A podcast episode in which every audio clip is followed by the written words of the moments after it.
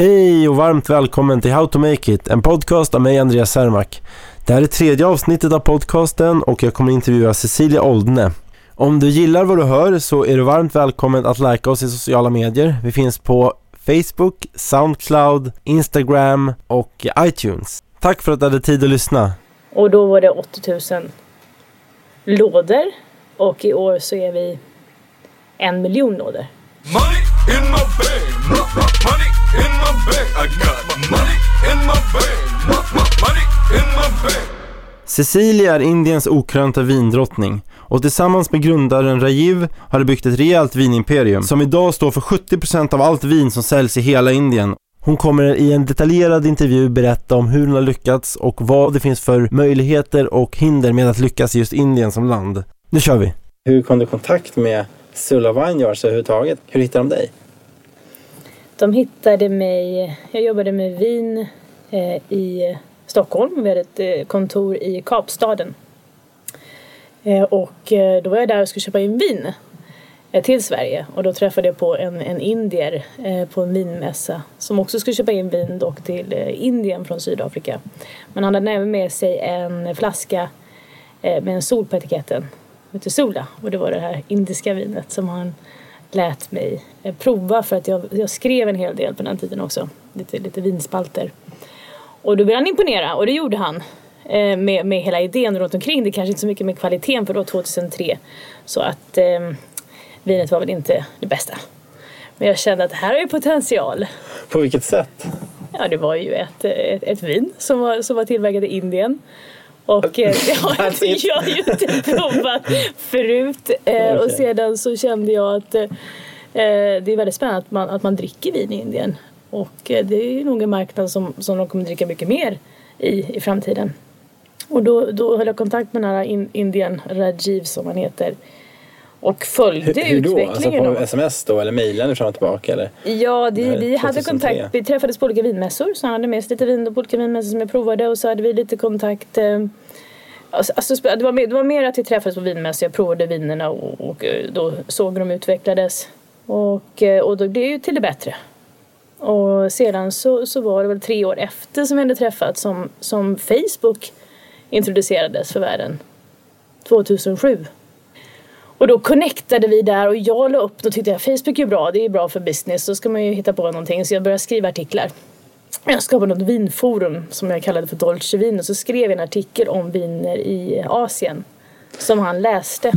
Och, eh, och jag tror att det var lite runt omkring det som han tyckte var spännande, var kul. Och jag hade då en tanke att eh, starta någonting inom vin i Asien, men jag visste inte vad. Och så connectade då Rajiv med mig angående, jag vet ju inte om det var på grund av detta, men vi connectade och hon frågade vad jag gör för någonting vad mina planer är. Och då sa jag att jag eh, är i Sverige, eh, men min plan är att eh, bygga upp någonting i Asien. Och då var tanken antingen Kina, Thailand, det känns lite litet. Eh, sen så såg jag även Mellanöstern som ett alternativ för där fanns det bara tre vinimportörer och alla skulle då tjäna kungliga familjen och tänkte dit åker jag och visar dem vad man ska göra. Man behöver inte tjäna kung, kungliga familjen för det tänkte jag. Eller så, så kände jag ju att Indien är ju intressant.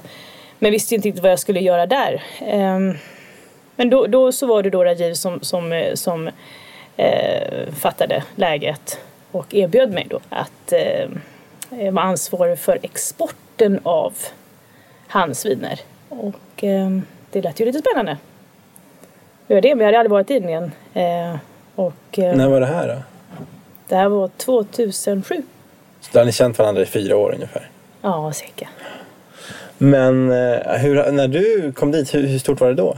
När jag kom ner så var årliga produktionen eh, cirka då eh, 809? ja, 100 000. Nej, 8, det måste bli 100 000 800 000. flaskor. Om det var 80 000 gånger 10 fler gånger 12. Ja, Det är 80 000 plus 2, det är exakt Tolv. två- en miljon flaskor om året. ja, det blir det. Ja, det var ungefär en miljon flaskor då. Ja. Är det mycket eller lite? Alltså, det är väl Det är ju ganska... jämfört med svenskt vin typ? Alltså, Ja, det, tre det är ganska mycket. det är ganska mycket. Alltså, tror jag gör väldigt, väldigt bra för, för, från sig just nu. Vad det gäller den här boxen. Ja. Men det är mycket produktion. Men gjorde, nu- gjorde han allt själv? Hade han, eh, alltså, hade han egna fält och ett eget Ja. pro- Han Ja, sen, och han hade då en, en eh, vinanläggning och eh, vingårdar. 80 000, nej, 80 000 lådor à 12 flaskor var det då i 2007. Och en vinanläggning. Och cirka 600 eh, hektar. Hur många arbetare var det då? Indien har man jättemånga i sig. Ja, var väl cirka, Tusentals. nej kanske någon, 80, 80 personer typ. Och de plöjde vin och... Ja, men mest var det väl sälj, marknadsföring och så det naturligtvis vinproduktion. Men plöjde vin gör man ju bara då tre gånger om året, vin, våra vinbönder. Men då har vi många kont- kontrakterade. Hade ni det Alltså, då också? Ja, Jag trodde han fick det ett land av sin far som han började på. fem, eh, fem hektar. Okej, och det räcker inte så inte långt. mycket. Han köpte ju en hel del, så fick jag massa investerare. Så köpte de massa mer vin, vingårdar. Men, men sen har vi då ehm, bönder som jag har kontrakt med. Mhm. Och det är ja, 90 procent är bönder som jag har kontrakt med. Men då var det inte det? Ja, och cirkus. Mycket, alltså, då var det väl ungefär 600 acres. Så det är ungefär 300 hek- he- ehm, hekt- hektar. Ja, nu har vi ju 3000 ehm, acres. Så det är ungefär 1500 Hektar. hektar. Och då var det 80 000 lådor och i år så är vi en miljon lådor. Oj. Men vad hände där då? Alltså det är ju jätteintressant. När du kom dit, ni hade den här produktionen och du klev på som... Du skulle då ansvara för att det skulle öka i resten av världen eller? Ja, det var det som tanken. Så han, han såg ju då en möjlighet att, att, att kunna etablera hans vin eh, på en internationell marknad med en svensk tjej som kan vin. så då skulle jag åka till Indien och, och lära mig då eh, om detta indiska vinet så att jag kunde då internationellt marknadsföra det. Jobbigt när du gett lite dåliga betyg tidigare, eller att det var sådär. Det vinet. Ja. Jag tyckte att jag tyckte, tyckte, tyckte det var så bra. Ja. Men det hade ju potential. Ja. potential. Ehm, så att, eh, ja nej det kändes ju. Men det var ju också en av anledningarna varför jag kom ner. För jag var ju då sommelier och, och utbildad konnässör. Så eh, jag, jag fick ju även det som en uppgift att vara med på kvalitetskontroll och Ja. eh, produktion. Så det blev lite produktion och kvalitet och eh, eh, design som jag blev involverad i från, från början och eh, export. Och då exporterade vi inte till, till många länder. Men eh, idag exporterar vi till, till 30 länder. Och då? Då exporterade vi till, eh, vi exporterade till fyra länder. Vi var, vi var redan i USA, eh, England, Italien. Väldigt liten export dit. Ja, det kanske bara var tre länder då. Sen så byggdes det på. Hur gjorde man det? Alltså, vad var din första uppgift då efter? Jag förstår att du hjälpte till lite med andra saker, men Mm. att bygga export, vad gör man? Ja, då eh, eh, kan man göra eh, olika saker. Men vad vi gjorde var att vi tog eh, del i vinmässor. Så då plockade vi med oss våra viner och så hade vi en liten monter på någon internationell vinmässa. Det kunde ha varit i London eller i Bordeaux, eller i Hongkong, eller Singapore eller i, ja, till och med i Paris var vi. Fick en fransk vinimportör.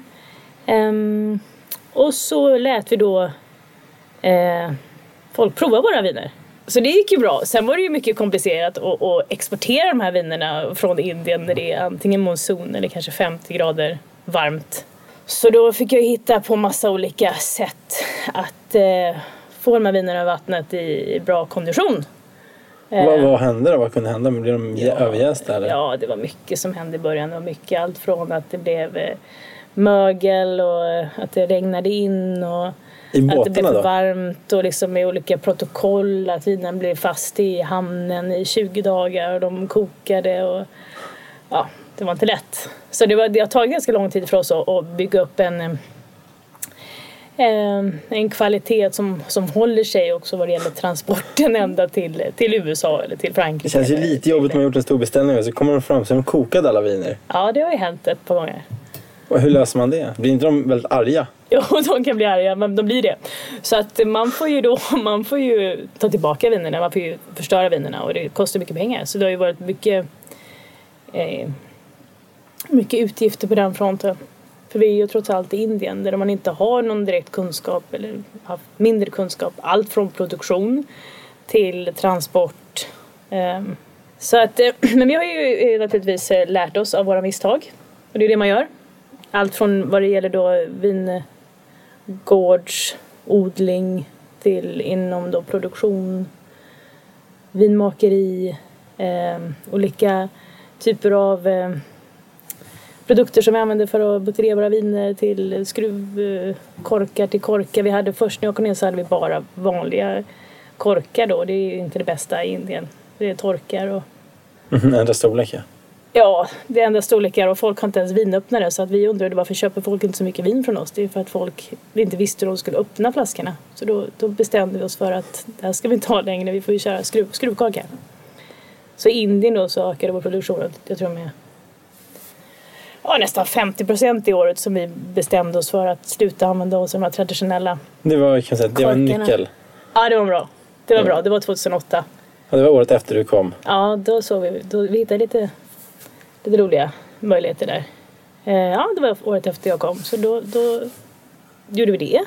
Hur fungerar det här då? Alltså, hur, hur fungerar själva dealen så att säga? Ni, ni har väl exklusiva partners i sig eller? Ja, absolut, har vi. Vi jobbar ju bara med eh, eh, en I varje land? i varje land en produkt med en importör. Men sen har vi olika produkter för olika kunder också. Så till exempel i England så har vi en importör som har våra ehm, mer, eh, eh, ja, våra finare viner. Och sedan har vi en importör som jobbar med mm, eh, entry level eh, viner. Och sedan har vi ytterligare en importör, Marks Spencer, som har en egen etikett.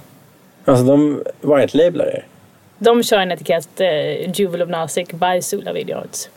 Alltså de får inte white labla helt? Nej, det måste ju stå Sula någonstans på etiketten. Man kanske skulle kunna ha gjort det för ett tag sedan men nu är det dock så att vi har eh, inte tillräckligt med vin för export. För nu har vi börjat fokusera så mycket på eh, Indien. Och eh, därför så säljer vi nu 90% av alla våra viner i Indien. Vad skönt, då slipper ni det här med transport. Ja, och slipper jag hålla på och liksom resa och flänga allt för mycket. Vad är marknaden, vinmarknaden värd i Indien tror du? Hur många flaskor köps det per år? I Indien? Ja. Totalt sett utan er, eller allt? Ja, alltså 1, ja, cirka 1,3 miljoner lådor är den totala konsumtionen av vin. Och ökar Indien. den år för år eller sänks, sjunker den? Den växer med cirka eh, 30 procent nu årligen. Så att eh, nu nästa år då blir det 1,6, 1,7. Ja, och vi är ju då en miljon lådor. Så ni märker att ni är ganska dominerande där. Ja, nej, det har ju gått bra för oss. Vi hade dock inte så stor eh, eh, andel när jag kom ner 2007. Då hade vi väl en 20 procent av marknaden. Vad gjorde ni? Vad, vad, vad hände med konkurrenterna? Ja, de finns inte längre. Nej, de finns. Några har försvunnit av olika anledningar. Men några finns ju fortfarande kvar. Jag tror att en, en, en anledning varför det har gått så otroligt bra för oss är för att vi har varit väldigt, väldigt fokuserade på kvaliteten och eh, distributionen. Och byggt upp det. Eh, och även vår marknadsföring. Vad vi också gjorde då var att vi öppnade upp vår vingård eh, i Nasik för allmänheten. Så folk kommer då och provar våra viner. Eh, och vi har cirka 250 000 besökare om året. Så en av de mest eh, besökta vingårdarna i världen. Det är ganska mycket att få dit 250 000 personer. Mm, ja, då, det får ju marknadsföra. Det har vi möjlighet att göra. Det är möj- möjlighet att prata om vår vingård mera än våra viner. För i Indien de är väldigt eh, begränsade vad det gäller marknadsföring. Hur menar du? Man kan inte tala om alkohol öppet, vinflaskor och vin. Och man kan ju liksom inte göra någonting på eh, tv eller eh, radio eller ha annonser. Men du kan prata om eh, vingårdar. Du kan prata om besöka vingårdar. Vi har eh, eh, två hotell och restauranger och, och eh, Har, äger ni två hotell? Mm. Till vingården då? till vingårdar. som För att det är ligger på vingården. 250 000 pers i jobbet. Om det kommer 10 000 pers en vecka liksom. Hopp, det kan vi inte fylla upp. Men det är ju Nasik då. Nasik är också en industriell stad Okej. där det finns nu massa hotell. Ehm, av den anledningen. Så alla behöver inte bo hos oss. Nej, jag tänker att vingård ligger så här off så det inte finns, men det kanske era vi- vingårdar ligger så här tillräckligt nära för att man ska kunna hitta boende. Då är det Ja, lugnt. det gör de. Det är ungefär, det är ungefär 30 minuter från Nasik city. Där jag bodde faktiskt när jag kom ner till Indien. Och det är en väldigt eh, snabbt växande stad.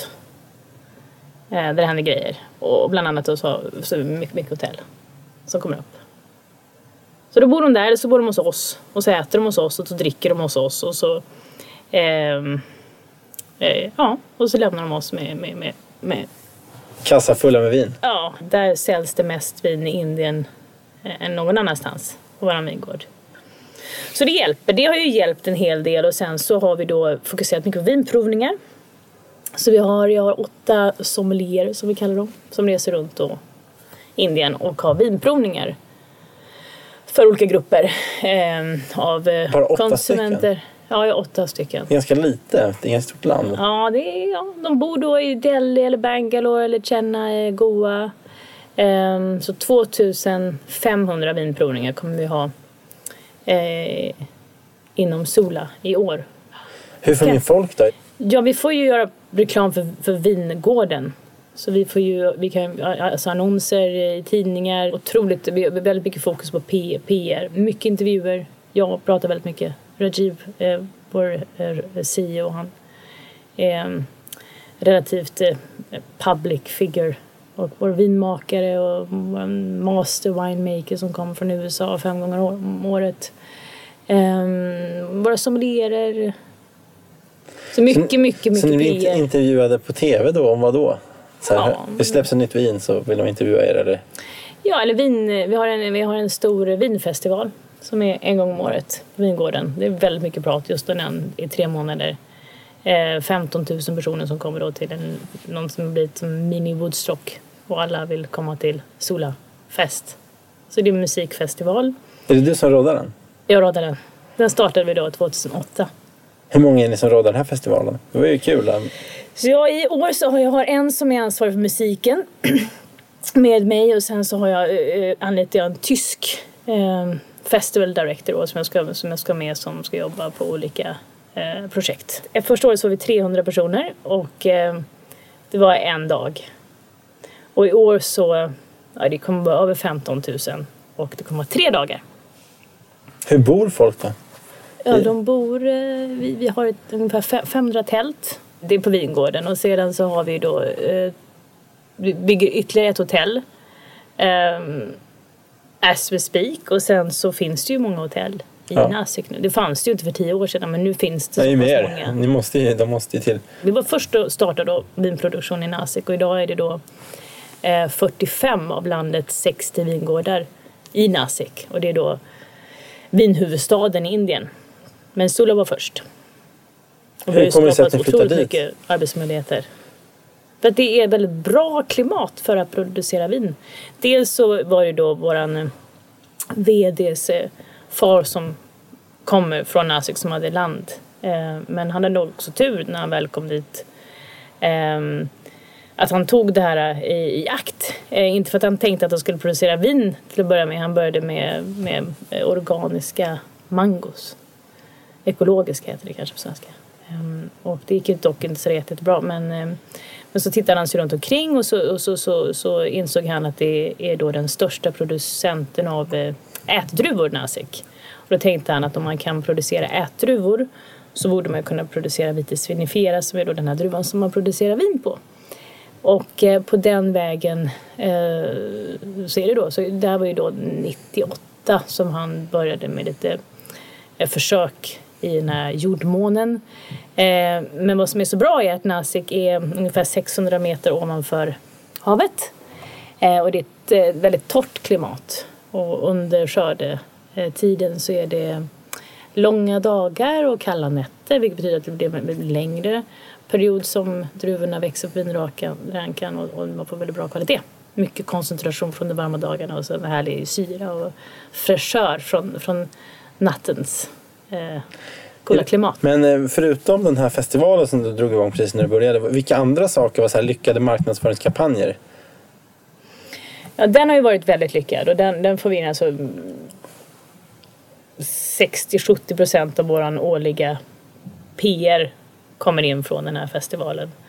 Och eh, hela, hela Indien talar om den. Av olika anledningar. Är det på grund av vilken artist vi tar dit? Eller är det på grund av eh, vad som är nytt eller vad vi nu ser till att eh, skapa vad det gäller drama. Eh, men men det, har ju gått väldigt, väldigt bra. Eh, sedan så har vi eh, vad det gäller eh, marknadsföring med vinprovningarna som jag nämnde. På grund av att man inte har möjlighet att, att marknadsföra så mycket vad gäller just vinet så, så måste man då se till att folk får prova produkten. Så det gör vi då. Ehm, och det gör vi ganska och det gör vi då runt omkring Indien, inte bara i de stora städerna men de, de, mindre, mindre orterna. Eh, och eh, vad eh, vi gör mer eh, på, på den vinprovningsfronten är att vi ser till att vi tar då busslass av folk eh, som jobbar i restaurang, hotell och tar dem till vingården så att de får prova vin och de får se hur vin är producerat. Och det hjälper en hel del för de, de som inte kan mycket om vin, som inte förstår och, och så vidare, så vidare de, de, de, de som jobbar på golvet kommer till vingården och ser hur det produceras så kommer de tillbaka med en helt annan eh, passion och kan då kommunicera eh, produkten mycket, mycket bättre vilket resulterar i mycket, mycket bra sälj. Hur hittar ni de här? Säljarna. Alla de här som är på golvet. Alltså det är ju... De hittar vi ju för att vi har ju då Vårat vin är ju då eh, nu eh, tillgängligt i alla femstjärniga hotell i Indien. Och då har du cirkus eh, 1000, 1500 femstjärniga hotell. Så då har du ganska många som du kan ta i busslass till vingården.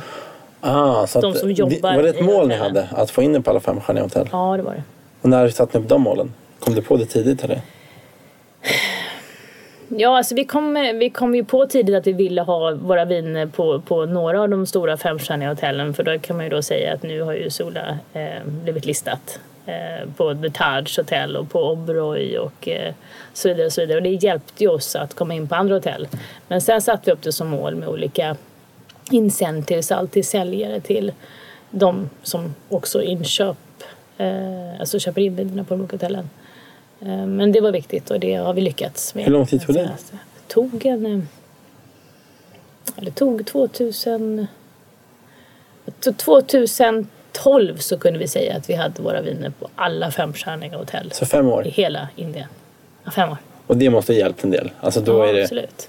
Och det har hjälpt väldigt mycket. Ehm, Men vad vi har gjort även då ehm, som ehm, leverantör är att eh, utöka vårt sortiment. Så nu har vi inte bara viner från Indien, nu har vi även viner från hela världen. Så vi importerar vin, och öl och sprit som vi distribuerar i Indien eh, med våra viner så att vi har blivit en one-stop shop för, för alla som vill ha Så att om det är någon som lyssnar på den här podcasten och har en riktigt, riktigt grymt svensk, en riktigt grym svensk öl till exempel och, och vill komma ut i världen och har en riktigt stor produktion då är det alltså möjligt att komma in. Har ni några svenska? Nej, vi har, ingen, vi- vi har ingen svensk produkt i vår portfölj nu. Varför inte? Ja, det kan man ju undra. Det var ju märkligt. Här är Ja. världens affärsläge här. Ja, absolut. Det är ju inte det lättaste eh, landet att komma in till. Man måste ju ha en bra budget om man ska eh, sälja en produkt i Indien. Och en av anledningarna är för att... Eh, men man måste också re- registrera en produkt. Så du, om, om du har en produkt så du får du hemskt gärna kontakta då, eh, oss och eh, erbjuda vad det nu är för någonting som du har i, i bakfickan. Men eh, sen kan det vara bra att veta att det inte är så lätt att eh, sälja vin och, och sälja en produkt eller vad det är, kanske en öl eller sprit in för att det kan eh, kosta en hel del vad det gäller investering. För att i till exempel Maharashtra som är staten där vi eh, producerar vin, eller en av staterna, nu har vi, nu har vi faktiskt tre vingårdar, och vi har även en vingård i, i, i utanför Bangalore. Eh, så, så måste du betala en, eh, en avgift för att kunna sälja din produkt. Du måste registrera produkten. Är det Måste- officiellt att man betalar? Man måste officiellt betala. Ah, Okej. Eh, absolut, måste.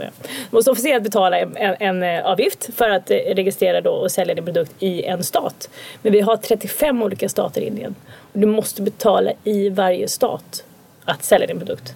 Så om du vill ha en, en global, ehm, om du vill ha en distribution runt om Indien så måste du betala i varje stat som du ska distribuera din produkt i. Och det kan bli ganska dyrt. 5 000 svenska kronor till eh, 100 000 svenska kronor. Ganska stort spann. Ja, det är olika i olika stater. Så vissa, då kan man ju välja att man bara vill vara i olika. Men om du vill ha en listning med The Touch Group of Hotel som har hotell i 25 stater så ska du ju helst ha din produkt eh, registrerad. Gäller det här för ätbara produkter eller alla produkter? Det är olika, olika avgifter i olika, eh, vad det gäller olika, olika saker och produkter. Så ätbara och drycker och alkohol och allt har olika avgifter. Och det är olika avgifter också beroende på vad som finns producerat lokalt. Du har en högre avgift att registrera någonting som, som ett vin till exempel i Maharashtra. För där har du en lokal produktion också. Mm, som om du skulle ha då en, kanske en högre avgift att registrera en, eh, en ny telefon i, i mm, Karnataka runt omkring Bangalore för där har de så mycket lokal produktion av eh, telefoni. Um, så att det, det, men det finns möjligheter och när du väl har registrerat och, och, och du då får um, en bra distribution och det får du ju då om du är med de stora aktörerna. Så det är viktigt. Så det är klart som Sula då till exempel, vi har ju då den, den bästa distributionen vad det gäller vin och sprit i Indien. Har ni hjälpt något företag att gå från att vara väldigt litet till väldigt stort tack vare Indien och de, era kanaler? Ja, vi har de, de, de flesta som har eh, eh, anslutit oss har det gått väldigt bra för. Vad är väldigt bra då? Har de gått från så här, det här till det här hur, hur, hur kan det gå? Ja, vi jobbar med eh, bland annat Remy Cointreau då som har eh, väldigt många produkter eh, i sin portfölj. Och de hade väl eh, ganska svårt eh, i en början för de inte hade just distributionen och sälj och marknadsföringsmöjligheterna som, som, som vi har då.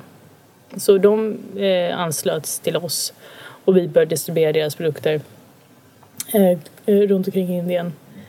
Och eh, när vi började så kanske de sålde 500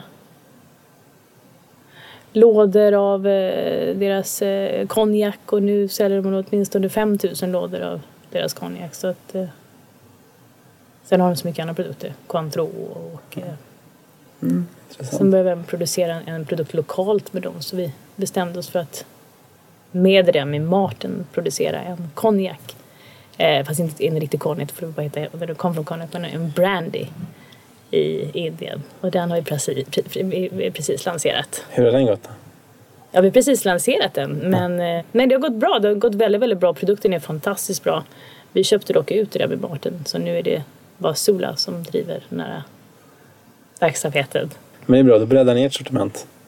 Ja, så nu har vi en lokal produktion av brandy, vi har vår egen produktion av vin och så importerar vi då sprit från Remy Martin, eh, Remy Cointreau, eh, det företaget eh, jobbar med William Grant Sons, vi har Glenfiddich och Grants.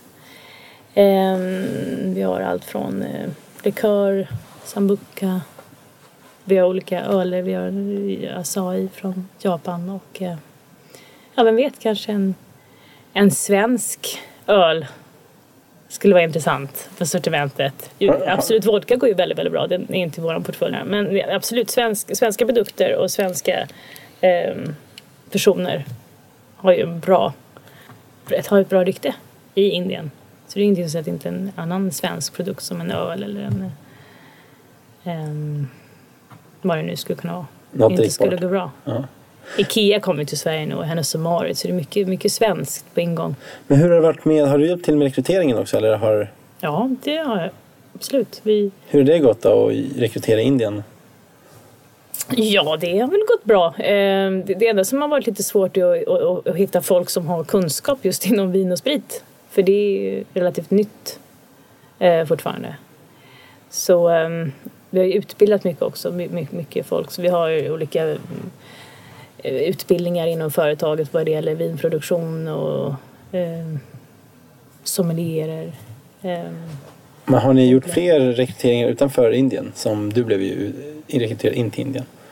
Vi har eh, eh, en, eh, inte många, absolut inte alls många. Vi, vi, har, vi har haft lite, eh, en hel del som har jobbat på, som på projekt. Eh, även interner har vi haft som har kommit och hjälpt oss med olika spännande eh, saker. Så allt från vinmakare från Frankrike och Sydafrika, Australien, ehm, oenologists som då kan allting om vinodling som kommer då. Vi har en kille från Australien som är rekryterat och sen har vi då från eh, allra första början en amerikansk vinmakare som, som är med oss. Men inte mycket rekrytering från, från utanför Indien, men mycket rekrytering i Indien och mycket fokus då och, på utbildning.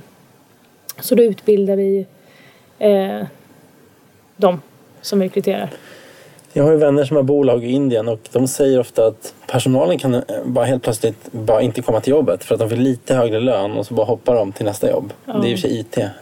Lojaliteten är lite, lite lägre. Mm. Stämmer det eller är det någonting du uppfattat? Ja, det, det, det tyvärr eh, händer en hel del. Men eh, då får man ju se till att man har så mycket annat som är bättre än bara en bra lön. Vi har ju så kul Vad har ni då? Som är, vad gör man där då som är roligt? Ja, vad gör så vansinnigt mycket. Vi har olika eh, alltså utbildningsprogram eh, inom vin, inom eh, management, inom eh, allt vad det är som kan vara intressant för, för, för eh, vår personal. Och sen har vi mycket roliga eh, event eh, som, vi, som vi åker på, olika teambuilding Um, exercises. Så har vi då vår musikfestival, Solafest, som alla tycker är kul att jobba på och komma på. Um, men vi ser ju till att ta, ta, ta väldigt väl hand om vår personal och det är allt från investeringar, pensionssparande, ehm, hälsa och så vidare. Och så, vidare. så alla ska känna att de är, de är ett med Sola-familjen och även då att man kan få möjlighet efter fem år att få köpa andelar i företaget eller få andelar om man är extra Är, är det börsintroducerat? eller? Nej. Nej, det är det inte. Men det var även en perk för mig att efter fem år Cecilia så, så, så, så blir du delägare. Och, Kände du att du ville det då? Ja, det kände jag ju att jag ville. Skulle jag haft de här andelarna från allra första början. För de har ju verkligen växt. Men är det mål att ni ska börsintroduceras eller? Det kanske du inte vet? Ja. Ja, mål och mål. Ja, det är klart att det är... Nej, det är väl inte på agendan just nu. Men hur många är det som, om man säger i, i, ditt, så här, i, i marknadsföring, för du jobbar mest med marknadsföringen, kan man säga det? Ja, nu gör jag det. Nu är jag mera marknad, ja, sälj, sälj och marknadsföring. Rekrytering. Ja, så jag gör lite, lite, lite blandat import. Vår importverksamhet ju då den hinner du med allt? Jag är ju inte själv längre. Jag var, ju, jag var ju själv när jag kom ner men nu har jag ju en hel del som, som jobbar med mig. Men det tar ju på krafterna och det tar ju tid av mig. Härligt. Ja, Ja. Det, det, jag, jag, jag tror dig. Men okej, men det var intressant. Det var alltså 2008, då, då började ni festivalen. 2009, 2010. Vad, vad har hänt? Liksom, hur har det gått år för år? Om man säger, är det någonting mer som har hänt förutom den här la- lanseringen av festivalen som har påverkat mycket åt något speciellt håll? Alltså vår importverksamhet har hjälpt oss tror jag på många sätt. Inte bara att eh, bygga upp en, eh, em, en lojalitet som, som leverantör. Att vi är ju inte bara en indisk vinproducent som har Sola då. Vi har ju då så mycket mer. Eh, så det har tagit oss till fler hotell och det har tagit oss till fler restauranger. eh, Skulle jag vilja säga. När kom det igång? Ja, vi, alltså vi, vi, 2010 så började vi jobba med Remy Cointreau. Och eh, 2012 med eh, William Grant Sons som har då de stora produkterna Glenfiddich Grans och så vidare i deras portfölj. Hendrix Gin är väldigt bra gin. Um, och sen så jobbar jag då med, med Accolade Wines, um, Constellation, de, de största vinaktörerna eh, i världen som vi då vars viner tar in till uh, Indien. Så det har ju verkligen byggt vårt rykte som en, en, som en vin och spritaktör i då i landet. Eh, så det, det, det går väldigt bra och det är väldigt bra att det gör det just nu för nu har vi ju då eh, vinproduktionen, det går ju väldigt, väldigt bra. Och, och kvaliteten, eh, vilket också har hjälpt oss in, till en stor del, har ju då tagit oss till en annan nivå med introduktion av våra viner till Marks Spencer och flygbolag och detta och detta. Så alltså, det, det har ju varit bra.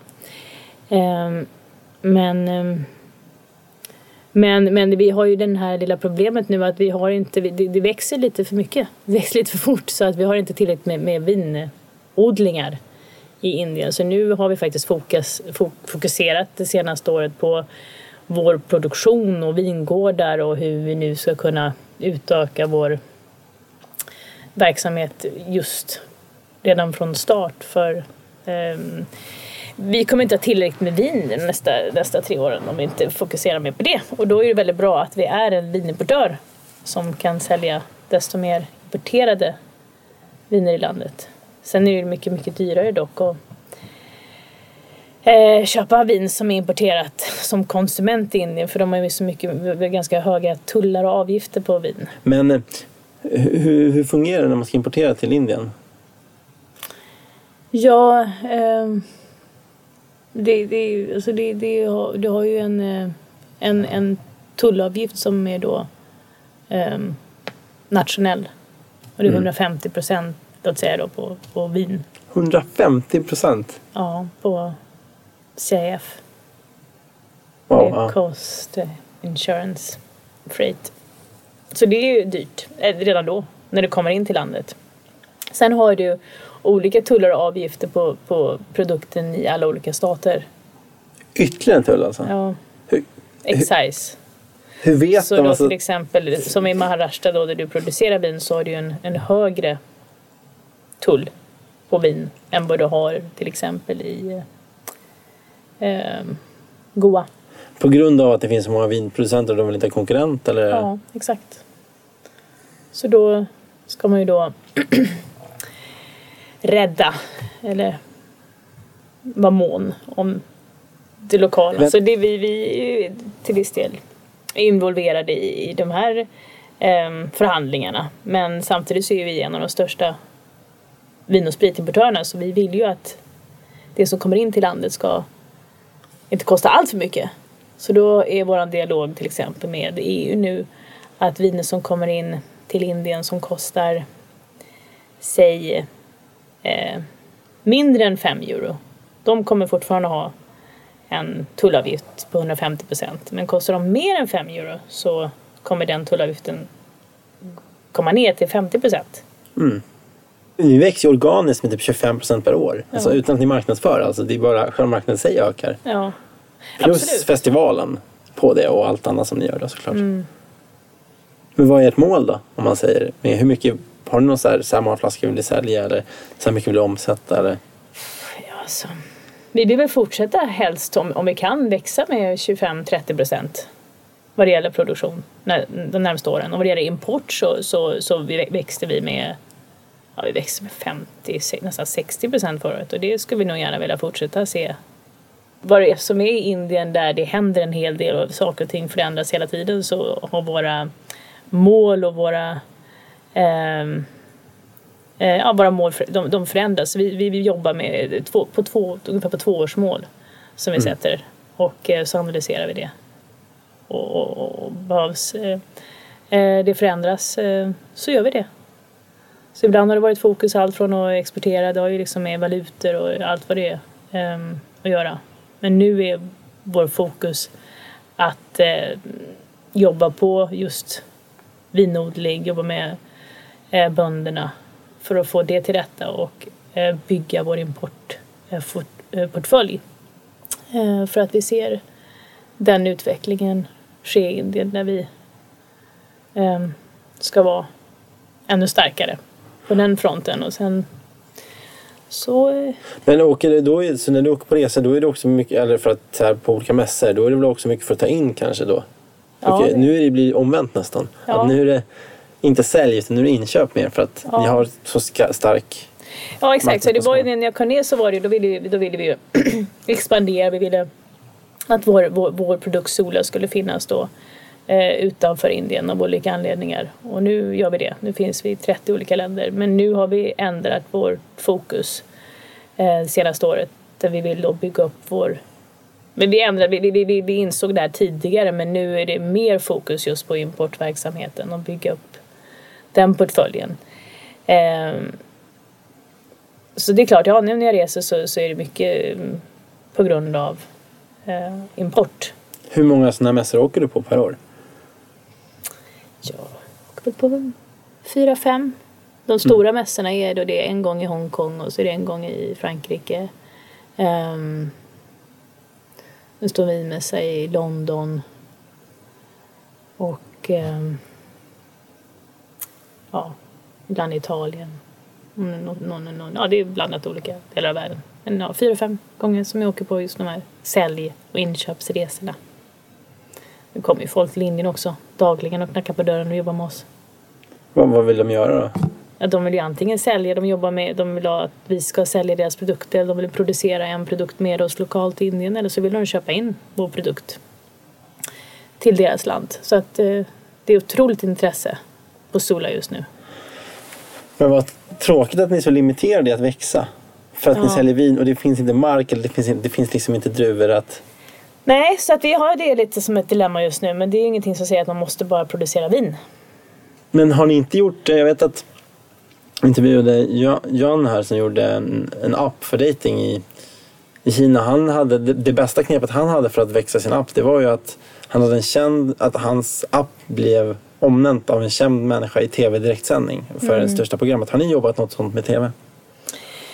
Eh, ja, så vi har ju våra eh, indirect brand ambassadors som vi jobbar med. Som antingen har då Sola nämnt eller att de har med Sola i olika produktioner. Bollywood. Ja, ni är, ni är marknadsplacerade. Hjälper det till? Ja, jo det gör det absolut. Så jag och Rajiv, vi... Det är viktigt? Ja, absolut. Det är viktigt. Så vi känner, vi känner mycket folk inom Bollywood. Och eh, vi, känner, vi känner många producenter. Eh, och de tar vi hand om lite extra. De får alltid VIP-platser på festivalen? Ja, det får de. Absolut. Hur många är de här eliten? Är det väldigt mycket människor i Bollywood? Jag vet inte hur stort är det? Är det som, alltså... Bollywood? Ja.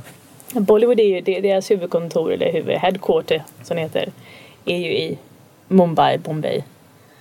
Um, men det är jag vet inte hur stor deras verksamhet är, men Bollywood är ju det är som religion i, i, i Indien. Det gäller att ha bra relation med så just Bollywoodstjärnor och då, då känner vi ju och eh, cricketspelare och, och Är cricket eh, stort i Indien? Cricket är väldigt stort. Jag går ju på cricket, eh, går ju på olika, olika event och sponsrar eh, eh olika fester runt omkring IPL som är den eh, stora turneringen som är då eh, en gång om året. Då är Sula med på ett hörn, eller två. Och Rajiv eh, bor i samma hus som den största eh, cricketspelaren Indien. Så att eh, han får ju prova Sula hur mycket han vill. Ja, han tycker det är gott. Och det har ni sagt några gånger.